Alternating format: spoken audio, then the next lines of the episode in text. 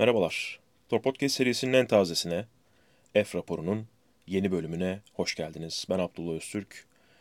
Katar Grand Prix'sinin ardından karşınızdayım. Yarışı, hafta sonu olanları konuşmak adına. Elbette bu hafta sonu birçok şey gerçekleşti, birçok şey gördük. Bazıları ilginç ve enteresandı, bazıları da beklediğimiz sonuçlardı. Elbette bu beklediğimiz sonuçların en önemlisi, en kıymetlisi belki de sezonun kıymetine dair söylemek gerekirse Max Verstappen'in 2023 Formula 1 Dünya Şampiyonu olarak kariyerinin 3. Dünya Şampiyonluğunu Katar'da kazanmasıydı. Cumartesi akşamı kazandı. Sprint yarışı sonrası takım arkadaşı Perez'in yarış dışı kalmasıyla birlikte şampiyonun geri kalan bölümünde artık matematiksel olarak şampiyonluğu garantilemesiyle birlikte ilan etmiş oldu. Max Verstappen'e dair hepimiz artık 3 aşağı 5 yukarı konunun ne olduğuna dair çok hakimiz. Ne kadar yetenekli olduğunu, ne, de, ne kadar bu konuya odaklanmış olduğunu, kendine ayırdığı vakitlerde bile simülasyonda vakit geçirmeyi sevdiğini, bir yarış takımı kurmak istediğini, GT ile yarışacak, bir GT klasmanında yarışacak bir yarış takımı kurmak istediğini, Le Mans 24 saat yarışına mutlaka katılacağını bir gün ve simülasyona ne kadar önem verdiğini, boş vakitlerinde sürekli simülasyonda yarışlar yaptığını biliyoruz. Bu kadar yarışmaktan keyif alan bir ismin yetenekle birleştiğinde ortaya böyle bir tablo çıkartması aslında şaşırtıcı değil. Tabii ki çok yetenekli isimler var Formula 1'de ve bu yetenekli isimler araçları yeterince hızlı olmadığı için, yeterince iyi bir ekibi aynı anda, iyi bir paketi aynı anda bir araya getiremedikleri için yarış galibiyetleri, dünya şampiyonlukları, takımlar şampiyonlukları kazanamıyorlar. Max Verstappen bizim Schumacher, Vettel ve Hamilton dönemlerinde gördüğümüz bir dominasyona sahip. Bu dominasyon devam edecek mi? Ne kadar devam edecek? Benim şahsi görüşüm önümüzdeki yıl ve 2025'te de Max Verstappen'in yine dünya şampiyonu olacağı yönünde. Yani bu sezona baktığımızda puan farkı çok büyük. Mutlaka arkadaki takımlar farkı kapatacaktır. Mutlaka çekişmeli yarışlar izleyeceğiz. Bu kadar fazla yarış kazanamayabilir 2024 yılın, yılında. Ben bu kadar yarış kazanacağını düşünmüyorum 2024'te. Ancak yine de hem 2024'te hem de 2025'te 2026'daki yeni motor ve yeni araç kuralları ile birlikte. Çünkü 2026 yılında Formula 1'de her şey değişiyor. Araç, motor, her şeyi değiştirecekler. Bu değişen kurallar silsilesi eğer bize yine çok önde bir Red Bull getirirse zaten Max Verstappen kariyerini 7-8 dünya şampiyonluğuyla noktalayabilir. Hatta daha da ileriye götürebilir. Henüz 26 yaşında. 2026 yılı geldiğinde bence önümüzdeki iki şampiyonunu da alacağı için 5 dünya şampiyonluğuyla 2026 yılına girecek. Bu benim düşüncem tabii ki. Öyle olmasını istediğinden değil. Bu podcast'i takip edenler ve bizi takip edenler benim bir Ferrari taraftarı olduğumu bilir. Ancak ben Max Verstappen'in yenileceğini düşünmüyorum. Onu yenecek bir pilot olduğunu düşünmüyorum. Çünkü onu yenecek kumaş, gerçek kumaş Hamilton'da ve Alonso'da var. Onlar da artık yaşları ilerledi. Hamilton hala mücadele edebilecek hızda. Alonso'nun çok iyi yarışlar ortaya çıkardığını görüyoruz ama 26 yaşındaki kariyerinin zirvesine doğru ilerleyen yani 29-30'a geldiğinde belki kariyerinin zirvesi olmuş olacak form olarak Max Verstappen. Hala çok genç. Hala çok çok ama çok gelişime açık. O sebeple Hamilton ve Alonso'nun onu yakalaması, kafa kafaya oldukları bir sezonda onu yakalaması bence hiç kolay olmayacak. Hiç kolay olmaz. Zaten Aston Martin acaba kadar gelişebilir mi emin değilim ama hepimiz 8 kez arka arkaya takımlar dünya şampiyonluğunu kazanmış Mercedes'ten Red Bull'u yakalamasını bekliyoruz. Yani Ferrari konusunda da bu kadar umut bağlayamıyoruz İtalyan ekibine. Orada Hamilton acaba Verstappen'in karşısına çıkıp onunla mücadele edecek kondisyonu kendisinde bulabilir mi? Ee, umarım bulur. Umarım hızlı bir araç yapar Mercedes ama şu anda baktığımızda tablo tamamen hem Red Bull'un hem de Max Verstappen'in lehine. Kendisinin dünya şampiyonluğunu kutluyoruz. Kesinlikle kutluyoruz. Hak edilmiş bir şampiyonluk. Ee, eğer önümüzdeki yıl başladığında biz yine Red Bull'un çok dominant olduğunu görürsek mutlaka bir müdahale, mutlaka bir ufak minik kural değişiklikleri, e, takımları eşitleme çabası gelebilir. Yani çünkü Formula 1 tamamen birazdan konuşacağımız konularda da işin içerisinde bunu birazcık konuşacağız, bahsedeceğim. E, tamamen artık reklam ve pazarlamaya dönmüş durumda. Haklı olarak buna bir şey söylemiyorum ama yani bizim yıllardır izlediğimiz, çok keyif aldığımız mücadele ve şampiyonu konusu e, başka bir yere doğru evrilmesini istiyoruz tabii ki. Çok eskiden beri Formula 1'i takip edenler olarak. O yüzden hem Red Bull'a bu yaptığı araç çok hızlı olduğu için Red Bull'u cezalandırmadan hem de bir yandan tabii ki e, rekabeti ve şampiyonanın sağlığını devam ettirerek umarız önümüzdeki yılları izleriz, önümüzdeki yarışları izleriz. Bu sezon bitti. Önümüzdeki sezon takımlardan çok umutluyuz. Yani 2022 yılı bittiğinde 2023'te umutlu olacağımızı söylemiştik. Olmadı. Umarız 2024'te olur. Daha çekişmeli yarışlar istiyoruz. Yani kazanıyorsa tabii ki Red Bull kazanmaya devam etsin. Bunda hiç problem yok kesinlikle. Çünkü bu sene sonuna kadar hak ettiler. Geçtiğimiz yıl sonuna kadar hak ettiler. Daha iyi bir araç yaptılar. Herkes aynı kurallarla birlikte, aynı bütçelerle birlikte sezona giriyor ve siz çok daha iyi bir araç yapıyorsunuz. Yani Red Bull taraftarı olmayanlar için sinir bozucu olabilir. Tıpkı Mercedes taraftarı olmayanlar için Hamilton'ın şampiyonlukları çok sinir bozucuyken aynı şey şu anda Red Bull için geçerli. Daha önce Schumacher şampiyon olurken Ferrari'de diğer takım taraftarları bu kadar hoşnut değildi bu durumdan. Tabii ki Ferrari taraftarı çok olduğu için e, belki de çok fazla ses çıkmıyordu bu konuda ama yine de tabii ki paylaşıldığını görüyorduk. Yazıldığını görüyorduk. O yüzden Verstappen'i tekrardan kutlayalım. Tabii ki hafta sonunun bir diğer ismi de Oscar Piastri'ydi. Ve McLaren takımıydı tabii ki. McLaren takımının yükselişini biliyoruz.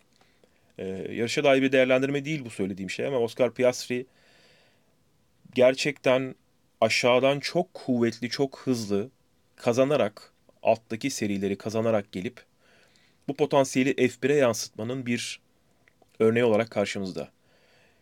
Yine şampiyonayı geçmişten beri takip edenler 2006'da Lewis Hamilton'ın Türkiye Grand Prix'sindeki performansı, 2006 sezonu Grand Prix 2'deki performansını ve sonra 2007'de Formula 1'e geldiğinde orada neler yaptığını takım arkadaşı Alonso'ydu.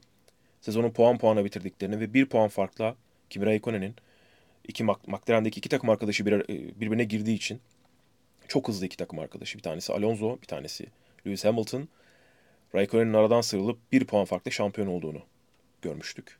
Bu Hamilton'ın çaylak sezonuydu. Kendi çaylak sezonunda iki kez dünya şampiyonu Alonso'ya karşı muhteşem bir performans ortaya koymuştu. O yüzden Oscar Piastri ilk sezonunda Formula 1'deki çok iyi bir performans bence ortaya koyuyor. Gerçekten. Takım arkadaşı Norris. McLaren'i, takımı, aracı tanıyan bir isim Norris.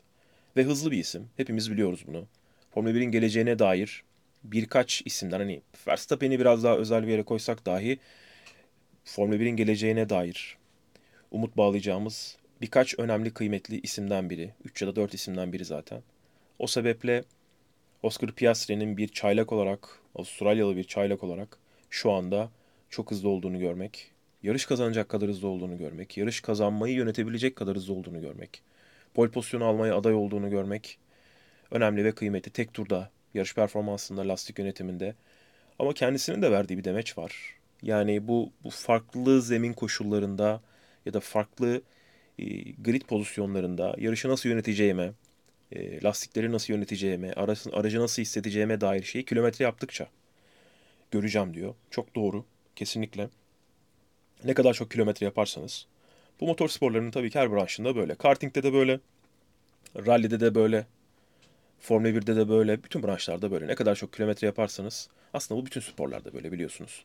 Ne kadar çok futbol oynarsanız e, sakatlıktan döndüğünüzde o kadar çok kendinizi daha hızlı geliştirirsiniz. Temponuzu daha iyi yükseltirsiniz. Hangi sporda olursa olsun. Ve tabii ki bu elbette Formula 1'de de ve motor sporlarında da aynı şekilde. Oscar Piastri'nin o yüzden kariyerinin devamında çok parlak bir performans ortaya koyacağı aşikar. Umarız bunu devam ettirir. Umarız Formula 1 yeni bir yıldız daha kazanmıştır. Ben kazandığını düşünüyorum. Ve geleceğin en büyük şampiyonluk adaylarından biri olduğunu düşünüyorum.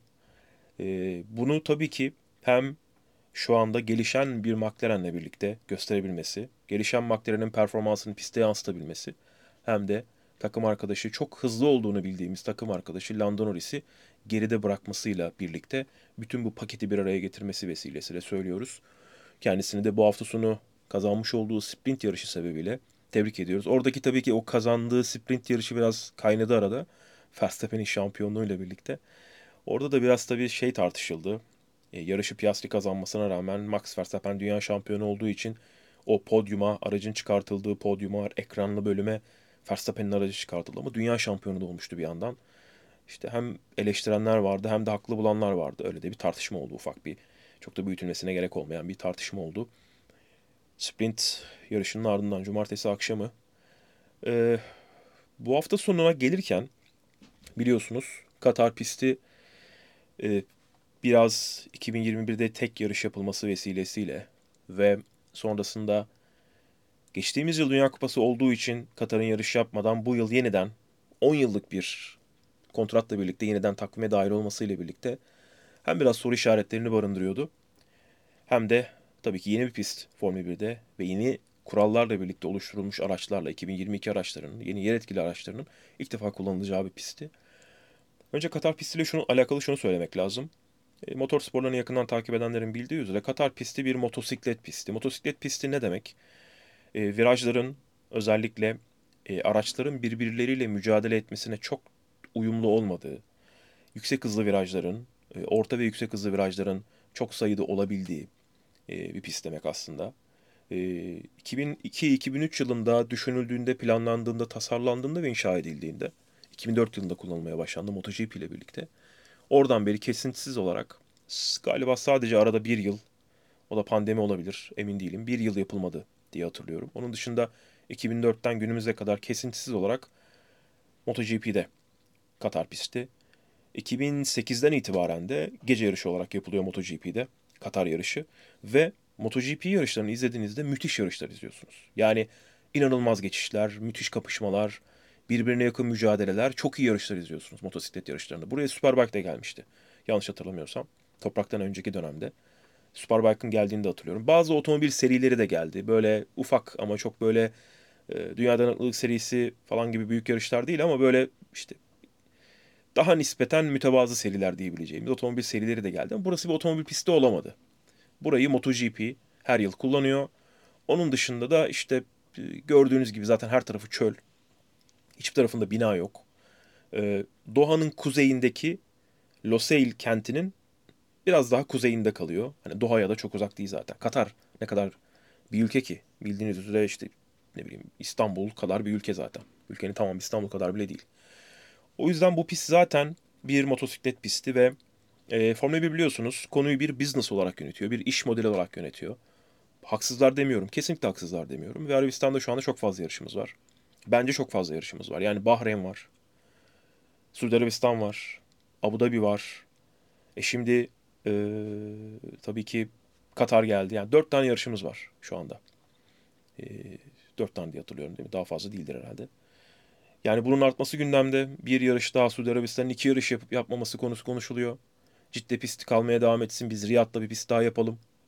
Beş yarış olsun diyorlar. Sadece Arap Yarımadası'nda beş yarış. E, bilmiyorum bu ne kadar. Hani çok paraları var diye bu kadar çok yarış yapmaları ne kadar mantıklı onu da bilmiyorum ama işte Abu Dhabi'nin çok yüksek bir kontratla, çok büyük bir kontratla mutlaka sezon sonu yarışı ben olacağım diyerek orada yer alması. Ee, Suudi Arabistan'ın tabii ki Formula 1'in en büyük sponsorlarından Aramco olması sebebiyle cidde bir yarışın özellikle ilk seneki versiyonuyla bir yarışın asla yapılmaması gereken bir cadde pisti. Müthiş güvensiz. Yani hem pist içi güvensizdi hem de pist dışında da biliyorsunuz roketler falan atılıyordu. Ee, o çeşit o, o yönde bir gere, güvensizlik vardı. Katar pisti 2021 yılında e, Formula 1 ev sahipliği yap, yaptığında biz oldukça araçlar için, lastikler için zorlayıcı bir pist olduğunu görmüştük. Yani yavaş yavaş bu hafta sonu ortaya çıkan tartışmaya gelelim elbette. Lastik tartışmasına gelelim elbette. Bu yarıştan sonra özellikle araçların sol ön lastiğinin çok fazla. Çünkü sağa doğru çok hızlı dönülen, yüksek hızlı dönülen virajlar demek sizin sol lastiklerinizin ve sol ön lastiklerinizin. Çünkü araç kafadan kaymaya devam meyilli ve virajın dışında kalan lastik daha yüksek, yanal bir kuvvet uygulanıyor ve yüksek stres e, elbette lastikte oluşuyor. Bu sebeple de bütün yüksek hızlı virajların orta ve yüksek hızlı olduğu virajların e, virajların olduğu pistlerde aynı şey geçerlidir zaten. Bu sol ön lastiklerin patladığını gördük. iki ya da üç araçta. Ve yarış sonrası biz bunu yarıştan sonra öğreniyoruz. Bu hafta sonu izlediğimiz yarıştan sonra öğreniyoruz. Pirelli 2021 Katar Grand Prix'sinden sonra FIA'ya bir rapor sunuyor. Diyor ki pistle alakalı durum bu bu bu. Ee, böyle bir durum söz konusu Katar yarışı ile alakalı. Çünkü o pistin körpleri bir motosiklet yarışına göre yapılmış. Motosiklet yarışına göre inşa edilmiş. Ve o pisti yapıp işletenler motosiklet yarışlarında motosikletlere nasıl reaksiyon vereceğini bilerek artık ezberlemişler ve o şekilde çalıştırmayı biliyorlar. Ee, o piste gidip bakın şunlar doğru, şunlar yanlış, şunlar eksik ya da şunlar geliştirilmeli demesi gereken Formula 1 yönetimi ve FIA. Özellikle FIA. FIA bunu yapmamış. Çok net. FIA Pirelli'nin kendisine söylemiş olduğu şeyleri dikkate almamış. Çünkü şimdi lastik konusunda bir konuşalım. Pirelli markasını burada bu hafta sonu çok yüklendik değil mi? Ya işte siz de kardeşim lastik yapamıyorsunuz bırakın gidin spordan. Ama lastik konusundaki gerçek ne Formula 1'de? Konuyu yakından takip eden herkes biliyor ki Michelin geldi. Yıllardır, iki yılda bir, üç yılda bir gelirler FIA ile konuşurlar ve bu haber olur. Bunu açık açık da 5-6 sene önce falan söyledi Michelin Motorsporları Direktörü. Yakın zamanda da söylemişti galiba. Yanlış hatırlamıyorsam. Michelin diyor ki aslında bütün lastik markaları gelip Formula 1'de yer almak isteyen bütün lastik markaları diyorlar ki biz gelip asla deforme olmayacak, en yüksek araçların en yüksek performansını göstermesini sağlayan müthiş kabiliyetli ve müthiş kaliteli bir lastiklerle sporda yer almak istiyoruz. FIA da diyor ki hayır bizim ihtiyacımız olan takımları farklı stratejilere ve farklı yarış yönetimlerine hafta sonundan hafta sonuna e, performanslarının değişkenlik gösterdiği bir tabloya iten bir lastik seti. Bu lastik setini yani güvensiz, hangi pistte nasıl performans göstereceği kestirilemeyen, çalışma aralığı çok dar, kırılgan lastikler yapmayı kabul etmeyen markalar da gelmiyorlar Formula 1'e. İşin doğrusu Pirelli de çıkmak istiyor. Ancak yeni bir lastik üreticisi girmediği için Pirelli de konuya biraz mahkum kalmış durumda. Hatırlayacaksınız Bakü yarışındaki lastik patlamasını. Düzlükte giderken e, Max Verstappen'in lastiği patlamıştı. Düzlüğün başında Lance Stroll'ün lastiği patlamıştı. Silverstone yarışında Lewis Hamilton'ın lastiği patlamıştı. Yarışı o şekilde bitirdi son turda. Neredeyse galibiyeti kaybediyordu. Yani Pirelli evet lastikleri belki de kendilerine söylenen kriterler çerçevesinde daha iyi yapabilir. Tamam, mutlaka. Ancak burada lastiklerin bu şekilde olması, bu kadar kırılgan olmasının sebebi, çalışma aralıklarının bu kadar dar olmasının sebebi, işte e, bu kadar zor yönetilmesinin sebebi FIA'nın koymuş olduğu bu kural seti. Uygulamış olduğu bu kural seti. Öncelikle bunu bilelim. Bunu bildiğimiz zaman üstüne aslında düşündüğümüzde evet Pirelli'yi eleştirelim. Eleştirilecek yönleri var. Ancak temel sebebinde FIA olduğunu bilerek eleştirelim bence.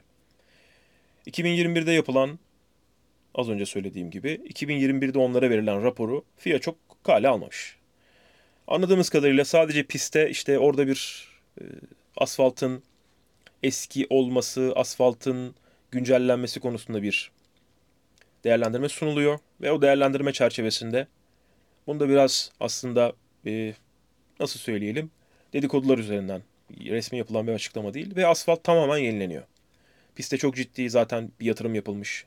Yani pistin inşaatının bir buçuk misli kadar daha para harcandığı söyleniyor. Padak, padok kısmına, tribünler, pistin her tarafı renove ediliyor yeniden. Katar'ın limitsiz bir parası var biliyorsunuz. Ve pist yeniden elden geçiriliyor. Aslında bu anlaşmayı yaparken Katar yeni bir pist yapacaklarını söylemişlerdi. Ve bence bu yarıştan sonra mutlaka Katar bu işe girecektir. Çünkü onlar için e, mesele değil. Yani çok fazla paraları var. Bir pist daha yaparlar ne olacak? Bu, bununla MotoGP yapılır. Öbüründe Formula 1 yapılır. Ama burada asfaltı yeni atmaları bu sefer pilotlar bunu da eleştirdiler. Yeni yapılan asfaltta, yeni atılan asfaltta biliyorsunuz petrol türevi malzeme olduğu için bütün tabakası asfaltın yüzeyindeki kaykan bir tabak olarak yer alıyor. Orada birkaç seri yapılmalı araçlar birkaç yüz kilometre e, yarışmalı ki orada yarış çizgisinde en azından tutunmanın olabileceği, lastiklerle asfaltın temeli arasında bir tutunmanın oluşabileceği bir durum ortaya çıksın. Ancak burada özellikle ilk antrenman seansında İstanbul Park'ta o tabii o ıslak bir hafta sonuydu. Orada tam anlamıyla buzun üstünde gibilerdi ama biz İstanbul Park'ta da bunun benzerini görmüştük. Antrenman ilk antrenman seansın, seansında hem kumlu zemin hem bu bütün tabakası var Araçlar tutunamıyorlar, sürekli dışarıya taşıyorlar ve güvensiz ve garip bir durum vardı. Ayar yapamadan, kendilerini ayarlayamadan hemen sıralama turlarına. Burada e, sprint hafta sonunun yapılması da aslında pek doğru bir karar değildi. Onu o yüzden hani pistin genel yapısı, durumu vesaire sebebiyle de söylemek lazım bence. E, gelelim Pirelli'nin almış olduğu karar. Bu işte en fazla 18 tur atacaksınız. E, şu bu kararından sonra yarışta. Bu bize yarışta tabii ki daha farklı bir yarış izletti. Yani yarış boyunca 3 en az 3 pit stop yapacağını bilen takımlar tabii ki yarışın başına gelen güvenlik aracı vesaire olayları da konuşacağız. E, tabii ki o stratejiyi belki biraz etkilemiştir ama tam gaz gidilen bir yarış izletti. Herkes 3 aşağı 5 yukarı araçlarıyla tam gaz gitti. Yarışın başında tabii ki dolu depolarla birlikte e, araçlar daha ağır oluyorlar. 110 100 110 kilogram daha ağır oluyorlar. Toplam yarış e, yakıt yüküyle birlikte, yarış yakıtıyla birlikte pist e, araçlar hafifledikçe tabii ki lastikler işte pistin üzerindeki o kauçuk tabakası, tabakası ya da tutunma arttıkça yarış kilometresiyle daha fazla artıyor. Pistin üzerinde 20 araç dur, durmadan dönüyor çünkü. E, turlar geçtikçe bir iki tanesi azalsa da. O yüzden biz 3 tane pit stopun yapıldığını izlediğimiz için en az herkes tam gaz gitti. Çünkü lastikleri korumak çok da temel bir mesele değildi. Ee, pilotlar daha hızlı olabildiler, daha agresif olabildiler ve daha hızlı bir yarış izledik genel manada. Tabii ki yarışın izlenirliği açısından da belki sürekli pit stop yapılıyor, sıralar değişiyor, o geri düşüyor, tekrardan yukarıya tırmanıyor. Bu tabii ki farklı bir eğlence getirmiş oldu yarışın genel yapısına. Ama şunu söylemek gerekir milyar milyar dolarlık bir yani geçtiğimiz yıl Suudlar 20 milyar dolar verdi Amerikalılar. Amerikalılar satmadı diye bir şey duyduk. Muhtemelen doğru. Çünkü İngiliz basını paylaştı. BBC falan söyledi bunu ve bu yalanlanmadı. Böyle bir şey olmadı. Hayır denmedi. Demek ki böyle bir konuşma veya da böyle bir teklif olmuş. 2-3 milyar dolar seviyesinde bir satın alma olmuştu Bernie Eccleston'dan Amerikalılar 2016-2017 civarında. Orada satın aldıklarında geldikleri noktayı görüyorsunuz. Yani 10 misli bir değerlenme söz konusu şurada. 6-7 yılda, 8 yılda. Bu değerlenme sonucu Formula 1'in ne kadar büyüdüğü ve ne kadar büyük bir iş haline geldiği belli. Yani FIA'nın ve Formula 1'in bir ekibi yok. Gidecek, pistin Formula 1 otomobillerinin yarışmasına uygunluğunu kontrol edecek. Yani oraya gidince Cuma günü antrenman seansından sonra görüyorlar. O pistin öyle olduğunu. Tamam antrenman seansından önce pilotlar pisti yürürken, piste turlarken bir şeyler fark ediliyor. Tümseklerin ne kadar yüksek olduğu, özellikle körplerin ne kadar e, zorlayıcı olabileceği, çıkış bölümünde daha çok zorlay zorlayıcı olabileceği, dışarıya tamamen taştıklarında lastiğin e, o, bahsettiğimiz o omuz bölümünün ne kadar zorlanabileceğini falan.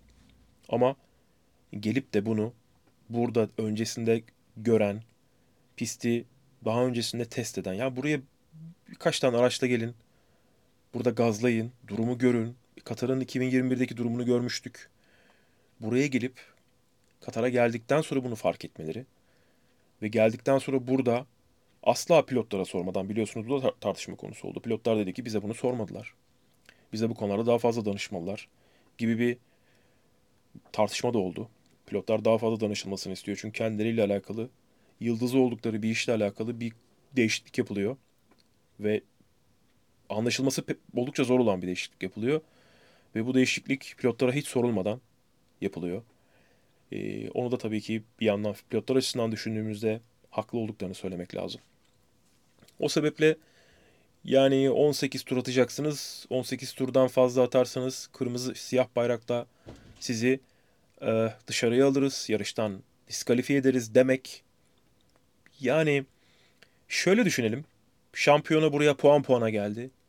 E, ve bu tür kurallarla birlikte yarışın kaderi değişiyor. Yani evet kurallar herkes için eşit doğru yarışa başlarken.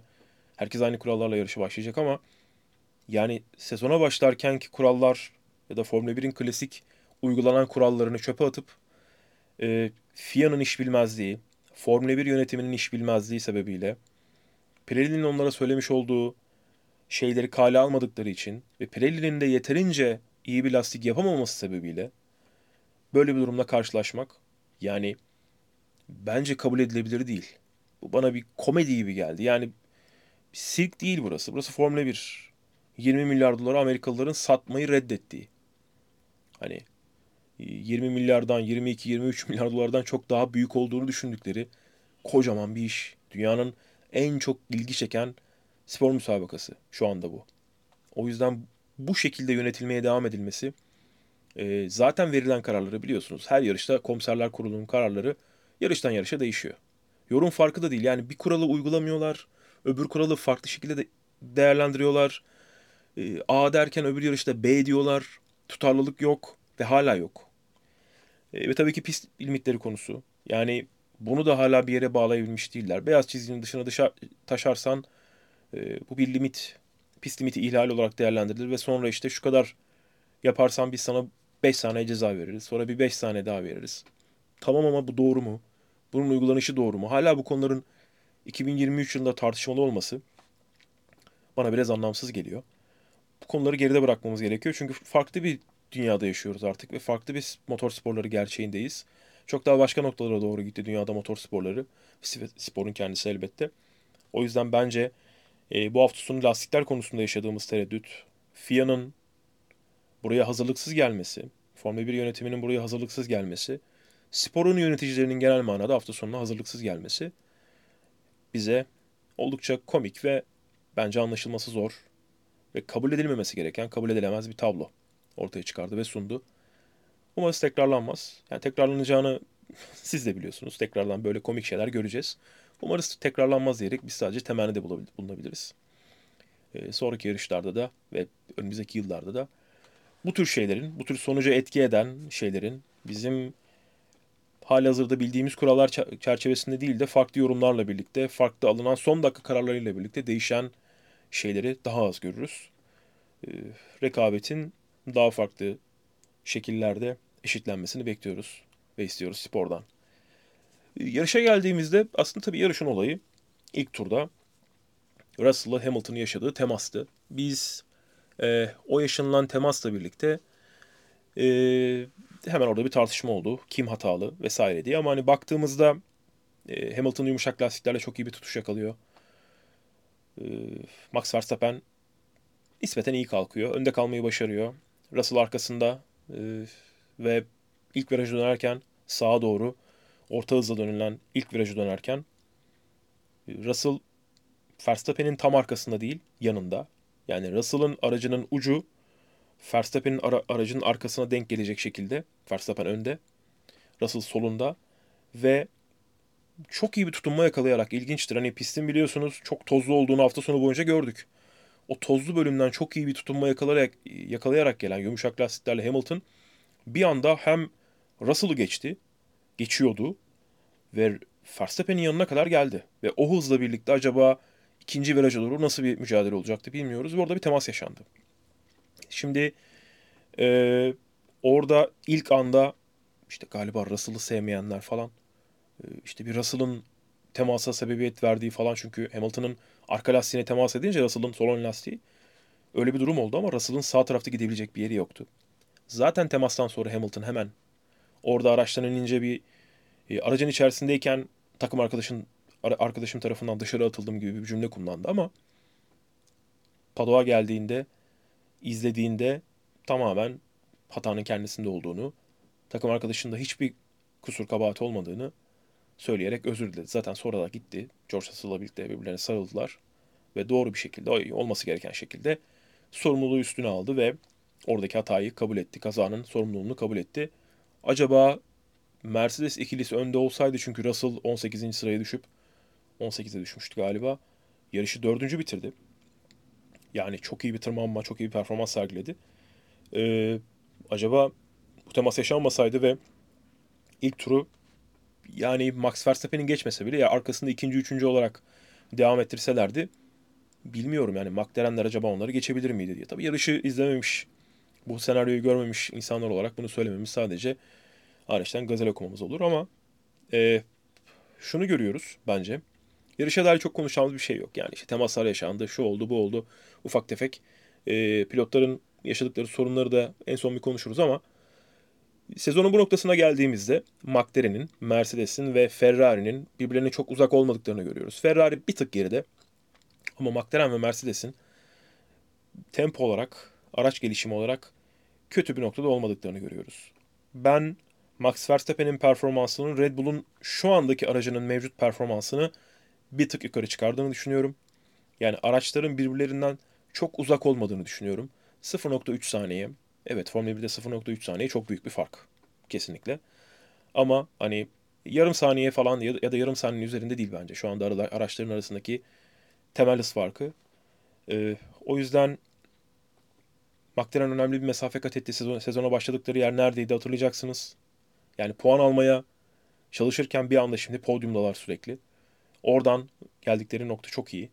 Mercedes fena bir yol kat etmedi.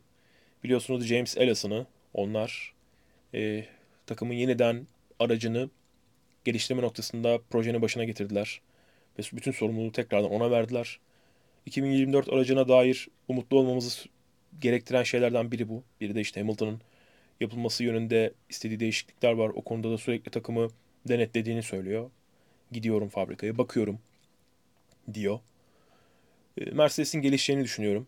Yani McLaren'in biliyorsunuz 2008 e, şampiyonluğundan beri Hamilton'ın Brezilya'da kazanmış olduğu dramatik Dünya şampiyonluğu 2008 şampiyonluğundan beri neredeyse Formula 1'de yok. 15 yıldır neredeyse McLaren Formula 1'de yok. E, arada yarış kazandılar, podyumlar gördüler ama hani temel performans olarak ikinci takım bile değiller. O yüzden McLaren'in geri döndüğünü görmek güzel. Umarız orada kalmayı başarırlar ama tabii ki kazanma yakın zamanda arka arkaya kazanma alışkanlığı daha yüksek olduğu için Mercedes'in oraya çünkü ekip neredeyse aynı.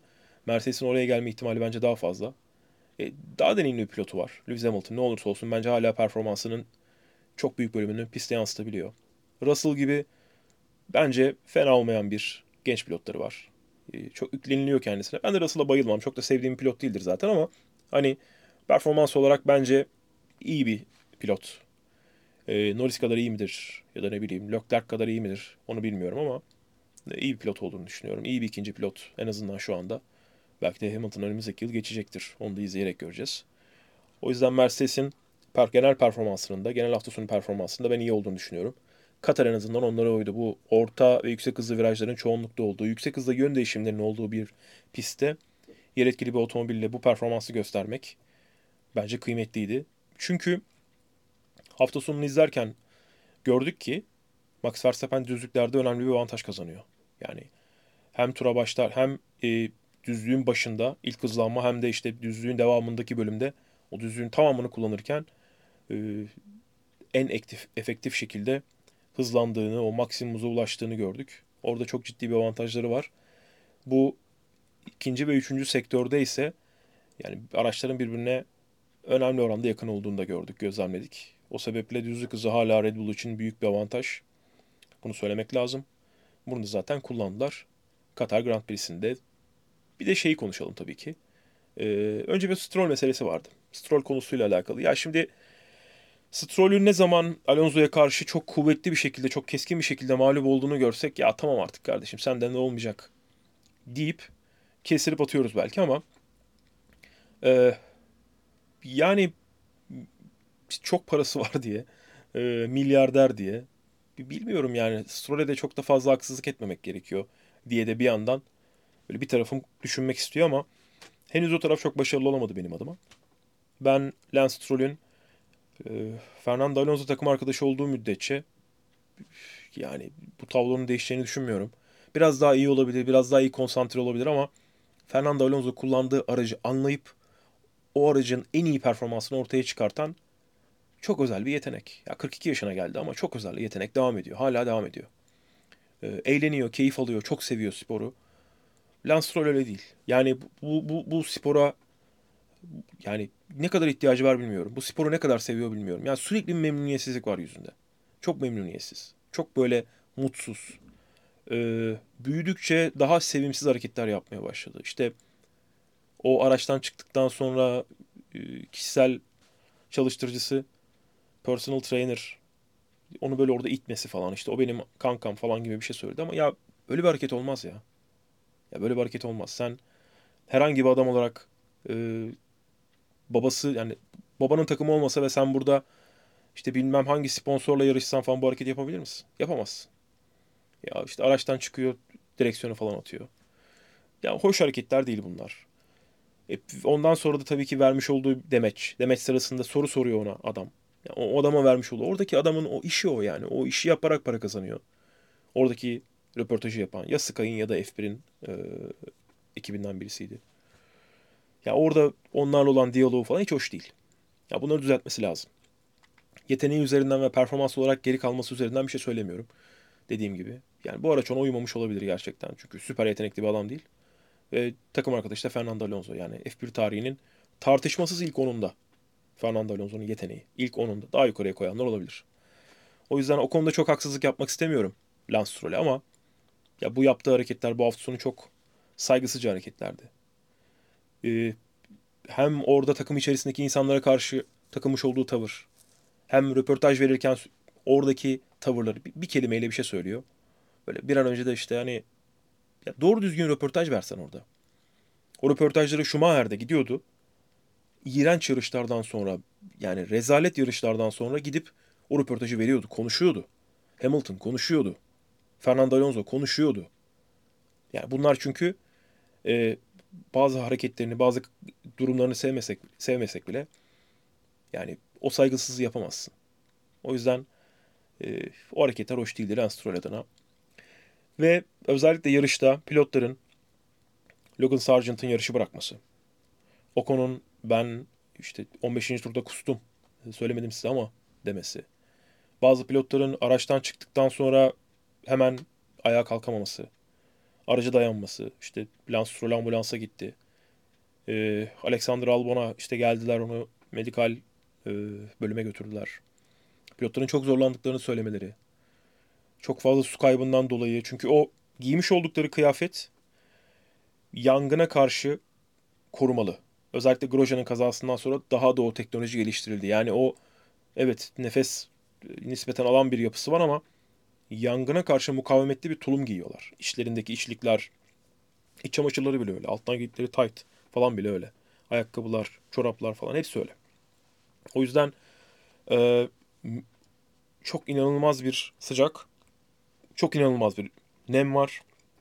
Ve o kıyafetlerin içerisinde arkanızdaki motor zaten müthiş bir sıcak ısı üretiyor, sıcaklık üretiyor. Ve bu sıcaklıkla birlikte bütün bunlar bir araya geldiğinde sizin için çok zorlayıcı olabilir. O yüzden e, pilotlara biraz çünkü şeyi gördüm. Hem Twitter'da hem diğer yurt dışındaki bazı forumlarda şunu yazanlar vardı. Ya işte siz de kardeşim ne kadar her konudan yakınıyorsunuz falan. Ya bu kadar gerek yok. Ya bu adamları da bu kadar zorlamaya gerek yok. Yani daha iyi mevsim koşullarında yarış yapılabilir Katar'da. Ya Katar'daki yarışı siz yarışı Las Vegas'ta Kasım'ın ortasında yapmak istediğiniz için e, diğer taraftaki yarışı Katar'ı buraya aldınız. Şimdi hani Katar'ı mevsimsel olarak pilotları ve takımları daha az zorlayacak. Takımları zorlasın, zorlasın, araçları zorlasın önemli değil ama pilotları, yarışanları zorlayacak, daha az zorlayacak bir e, aralığa koymanız gerekiyordu. Tarihe koymanız gerekiyordu. Yani Fernando Alonso da kariyerimin en zor yarışıydı dedi.